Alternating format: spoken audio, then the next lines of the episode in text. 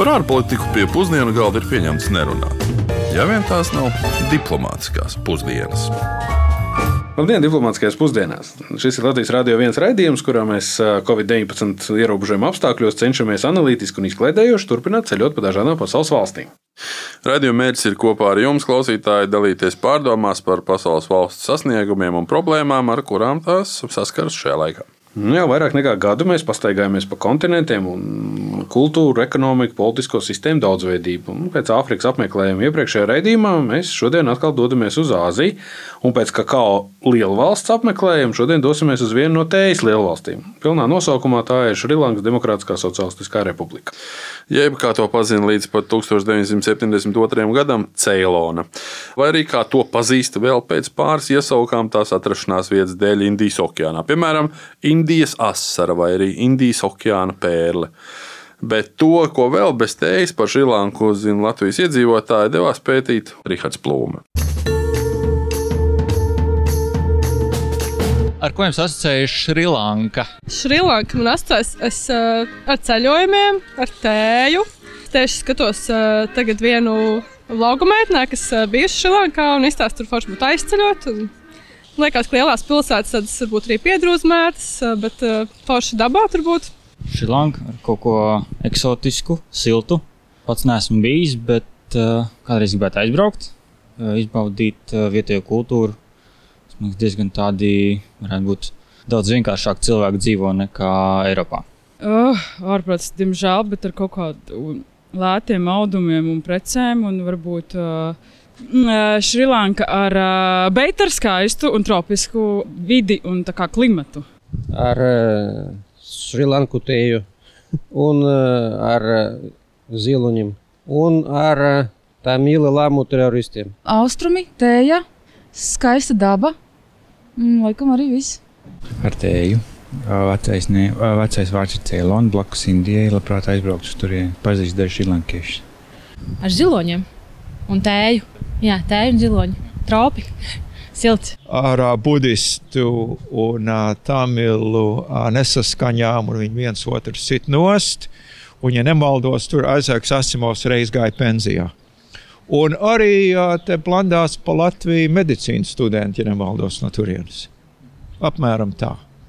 Šrilanka bija tāda sapņaina paradīze, nu, izpostīta zeme, viņam grūti iet.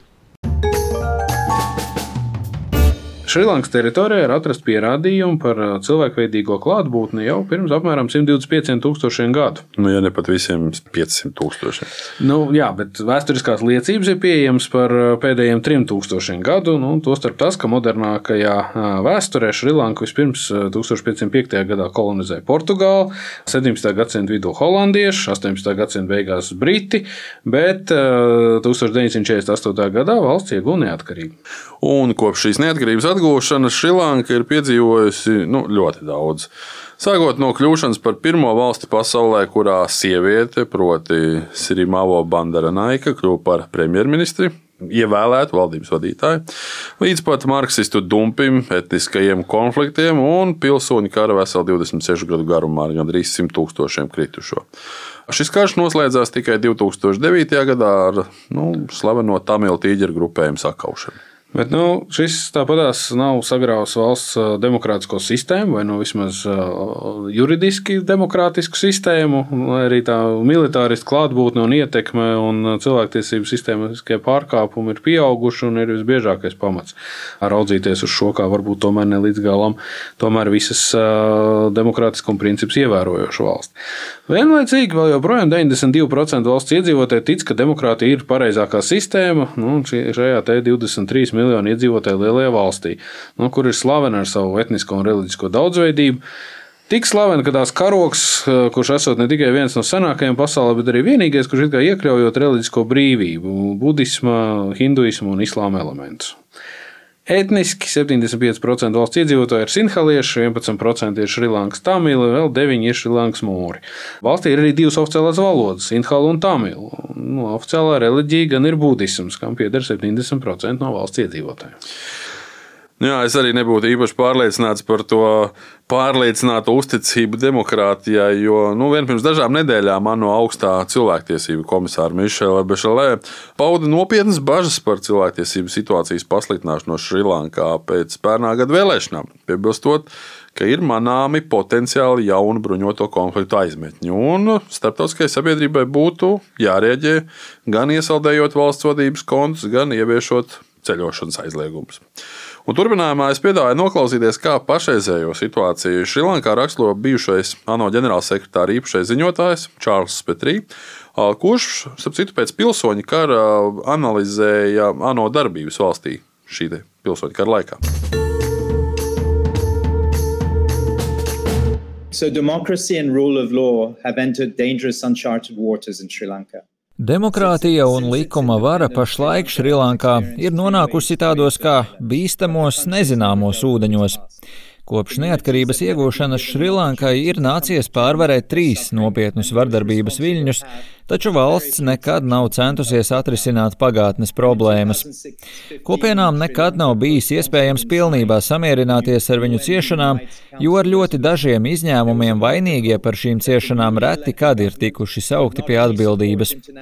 Kad 2016. gadā Šrilanka parakstīja ANO padomes rezolūciju, Radās cerība, ka jaunievēlētā valdība ne tikai atbalstīs starptautiskos tiesiskuma pārējas centienus, bet arī centīsies ieviest līdzīgus mehānismus pašu valstī. Taču šim optimismam bija īss mūžs, jo šī valdība atteicās pildīt un ieviest dzīvē dotos solījumus. Vēl vairāk, pēc 2020. gada vēlēšanām valdība sāka uzskatīt, ka tā ir saņēmusi populistisku budistu mandātu, kas iedrošina to īstenot savu citas minoritātes atstumjošo politiku. Tāpēc ir nopietnas bažas, ka Šrilankas demokrātiskā sistēma pašlaik ir apdraudēta. Šrilankai pašlaik nākas saskarties ar bīstamu politisku un sociālu spēku sajaukumu. Covid-19 izplatība un aizdomas un bailes, ko tā nes sev līdzi. Pamatīgi iedragāta ekonomika, kuru ir nomocījusi gan pandēmija, gan valsts parādi un kura pašlaik tuvojas vai nu maksātnespējai, vai arī ļoti sāpīgai starptautiskai glābšanas programmai. Autoritāra varas koncentrēšana prezidentūras rokās, kurai palīdz strauja civilās administrācijas militarizācija. Vienlaicīgi ļoti aktīvi tiek kultivēts pret minoritātēm, īpaši musulmaņiem, vērsts noskaņojums. Visi šie jautājumi kopā ņemti ir sākuši radīt sabiedrībā dusmas un nestabilitāti, uz ko valdība nekad nav kavējusies atbildēt ar spēku un agresiju. Valsts ir sākusi iet pa ļoti bīstamu ceļu, kas var novest pie nestabilitātes uzliesmojuma un kas var novest pie daudz lielākām problēmām gan pašai Šrilankai, gan tās starptautiskajiem partneriem. Sri Lanka's problems can't be solved by the UN or other outside powers. Diemžēl Šrilankas problēmas nevar atrisināt ne apvienoto nāciju organizācija, ne kāda cita ārējā vara. Nepieciešamībai ieskatīties acīs savai pagātnei un nepieciešamībai tikt pāri mūsdienu briesmām un saspīlējumam ir jānāk no pašas valsts iekšienes. Ir nepieciešama vadība, kas varētu parādīt tautai turpmāko virzību. Diemžēl pašlaik tā vien liekas, šādas līderības Šrilankā trūkst.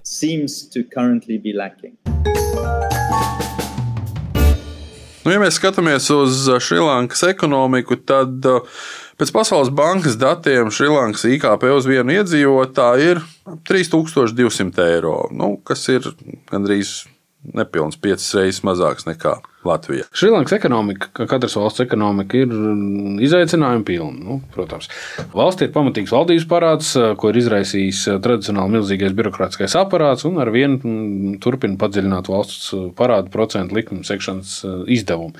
Kopš 2016. gada valsts ir starptautiskā valūtas fonda aizņēmuma programmā un nu, tiek mācīta taupīt.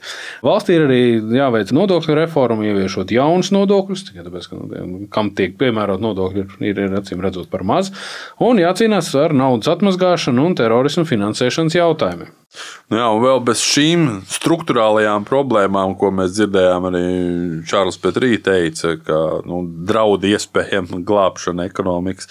Valstī nu pat jau ir arī nu, dažādas sadzīviskas un vidas problēmas. Tostarp arī tās, kuras ir radījusi arī jau iepriekš Kodivāras gadījumā minētā masveidīgā meža izciršana un neatjaunošana augsnes erozija, savvaļas dzīvnieku malmedniecība, milzīgais gaisa piesārņojums, nu, īpaši galvaspilsētā Kolombo. Nu, nemaz jau nerunāt arī par ūdens resursu piesārņošanu gan iekšzemē, gan arī okeānā. Nu, vienlaicīgi valsts pirms dažiem gadiem paziņoja, ka vēlas pārveidot sevi par zināšanās balstītu un eksporta orientētu. Nu, tas arī nav neiespējamākais, jo valstī ir uh, ne tikai viena no augstākajām lasīt prasības rādītājiem Āzijā, bet arī izglītība, tostarp augstākā, ir bezmaksas jau vairākus gadu desmitus. Izglītība Šrilankiešu valstī ir daļa no kultūras, un tā ir arī nostiprināta kā cilvēku pamatiesības valsts konstitūcijā. Jā, attiecībā uz um, eksporta orientēšanos arī tā pamati ir likti jaunajā valdības plānā. Valsts ražo gan gumiju, gan kokosriekus, uh, ir attīstīta banku sistēma, arī apdrošināšanas biznesa, informācijas tehnoloģija pakalpojumi, būvniecība, tekstilu rūpniecība un daudz citas nozares. Nu, Galvenā eksporta tirgi gan ir ASV, Lielbritānija un Indija. Un šeit mēs, protams, nevaram nepieminēt gan tējas ražošanu, gan eksportēšanu, jo tēja ir Šrilankas lielākais eksporta produkts. Un tas vienas valstī aptuveni 1,2 miljārdus eiro un veido aptuveni 2% no kopējā IKP. Mm. Vienlaicīgi tas arī padara Šrilanku par nu, vidēji ceturto lielāko tējas eksportētāju valstī. Nu, tas nav brīnums, jo apmēram viens miljons cilvēku esot nodarbināti tieši tējas audzēšanā un ražošanā. Un, starp citu, Ceilonas tēja vispār tiek uzskatīta par tīrāko tēju pasaulē, arī ar vismazāko pesticīdu pieaugumu. Jā, valstī, starp citu, kopš 1925. gada ir arī tējas izpētes institūts nodibināts, un parlaments savulaik nodibināja. Ja ņem vērā, ka Šrilanka ar tēju tā kārtīgi iepazīstināja tikai Brits James Taylors 1867. gadā, paradoxāli, ka pagājušā gadsimta 90. gadu vidū Šrilanka bija pasaulē lielākais tējas eksportētājs. Starp citu, arī nu, Liptona tēja ir dibināta tieši Šrilankā. Un to 1890. gadā izdarīja Glasgow tirgotājs Sērs Džons Liptons. Nu, ar tēju gan Šrilankas diversificētā ekonomika noteikti nebeidzas. Valsts nozīmīgu uzsvaru liek arī uz turismu industriju, un ne jau tikai tropiskās pludmales un seši UNESCO cilvēces mantojuma sarakstā iekļautās vietas ir turistu pievilinošas. Turists piesaista arī tas, ka valsts ir mājvieta vairāk nekā simtam zīdītāju sugu, tostarp arī ziloņiem un leopardiem, arī simtiem putnu sugu, rāpuļu sugu un abinieku sugu. Neizbrīna arī tas, ka Savulaik slavenais itāļu ceļotājs Marko Polo Šrilanka esot nosaucis par labāko konkrētā izmēra salu pasaulē. Nu jā, nav jau tā, ka viņš 13. un 14. gadsimtā bija visas pasaules salas redzējis vai pat zināja par to eksistenci. Bet, nu, tas gluži nemaina faktu, ka Šrilanka daudzos rādītājos, gan vienlīdzības, gan izglītības, gan politisko tiesību, gan ekonomisko iespēju, gan veselības un dzīves ilguma rādītājos Patiesībā ir starp labākajām valstīm Āzijā un bieži vien arī pasaules attīstīto valstu rādītāju līmenī. Nu jā, tas gan atkal, protams, ir relatīvi raugoties no blakus esošajām valstīm. Lai cik būtu paēdis, vienmēr ir vieta arī desertam. Par ko mēs šodien desertā varētu runāt, ja tēja jau mums ir, darētu klāt kāda garšīga kanēļmaizīte. Un runājot par kanēli, Šrilanka ir viena no kanēļa oriģinālajām izcelsmes vietām, un mūsdienās līdzās Ķīnai, Indonēzijai un Vietnamai tā palīdz saražot gandrīz pusi visa pasaules kanēļa. Šrilanka gan gadiem jau ražo īpašo Ceilonas kanēli. Tas tiek uzskatīts par veselīgāku nekā izplatītākā un lētākā kanēļa versija kasija.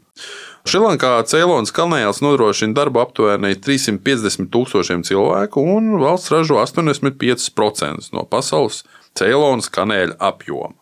Nu, es vēl par citu koku pastāstīšu par, par bodīju koku, jeb svēto vīģu koku, Džaja Šrī Maha bodīju koku, kurš ir senākais zināmais cilvēks stādītais koks pasaulē. Tas ir budistu svēta vieta, jo tiek rēķināts, ka tas ir tieši pēctecis, nu, ja tā drīkst izteikties par kokiem, leģendārajam bodīju kokam, zem kura apgaismību guva Sidhārds Gautāma jeb Buda. Anuradhapurā atrodamais koks ir iestādīts 288. gadā pirms mūsu ēras, kas to padara par vairāk nekā 2300 gadus senu. Kopš 2014. gada Šrilankas valdība ir aizliegusi jebkādu būvniecību puskilometra rādījusā ap koku.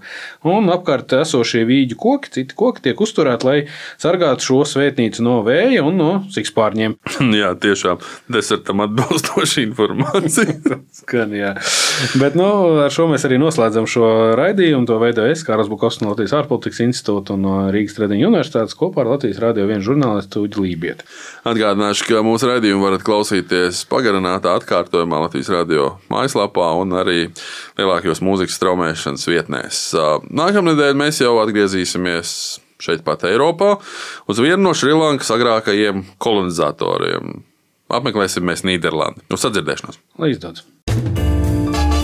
Diplomātiskās pusdienas katru otrdienu pusdienos Latvijas Radio 1.